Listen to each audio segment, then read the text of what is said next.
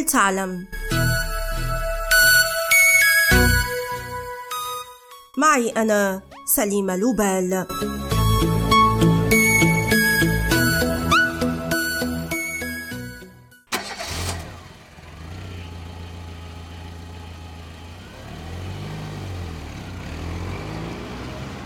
قبل 106 أعوام كانت عجلات السيارات بيضاء اللون وليست سوداء قاتمة. مثل اليوم.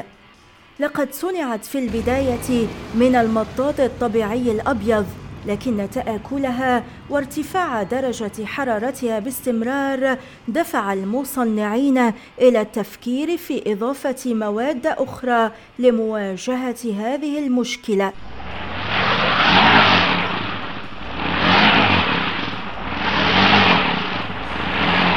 لقد أضافوا في البداية أكسيد الزنك الذي منحها اللون الكريمي لكنهم في النهاية أضافوا مادة أسود الكربون في تركيبتها.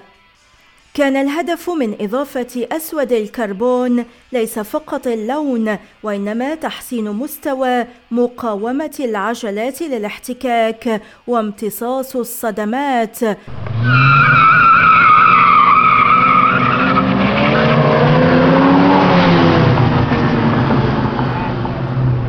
وتحسين كفاءة التعليق والحصول على راحة أكبر أثناء القيادة. وأسود الكربون ناقل جيد للحرارة فبفضله تستطيع العجلات نقل حرارة سطح الأرض وموازنتها حتى تقلل من خطر تغير شكلها وتكون أكثر مرونة. ولا يؤثر أسود الكربون في الخصائص الفيزيائية للعجلة ولكنه عامل مهم في جمالها لأن اللون الأسود يتلائم مع تشكيلة واسعة من ألوان السيارات. حدث كل هذا خلال الحرب العالمية الأولى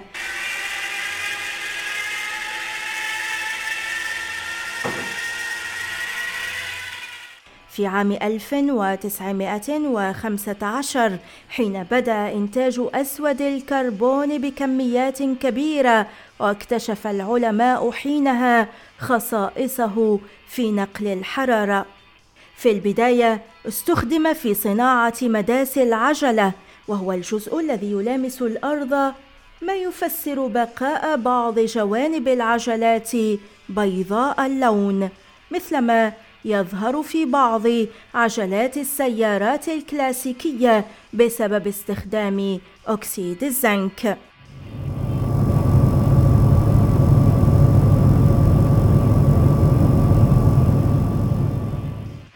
شيئا فشيئا دخل أسود الكربون في صناعة كل أجزاء العجلات واليوم تدخل هذه المادة في صناعة كل موديلات العجلات حول العالم. ولكن يمكن أن تجد في الأسواق أو المتاجر عجلات ملونة لكن نادرا ما تكون لها استعمالات أخرى غير الزينة.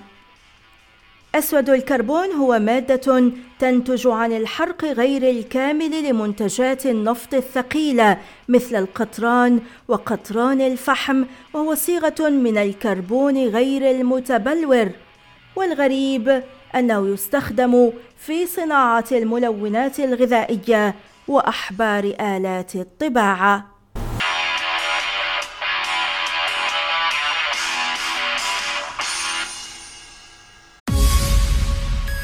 والآن إلى اللقاء مع حلقة جديدة من بودكاست هل تعلم؟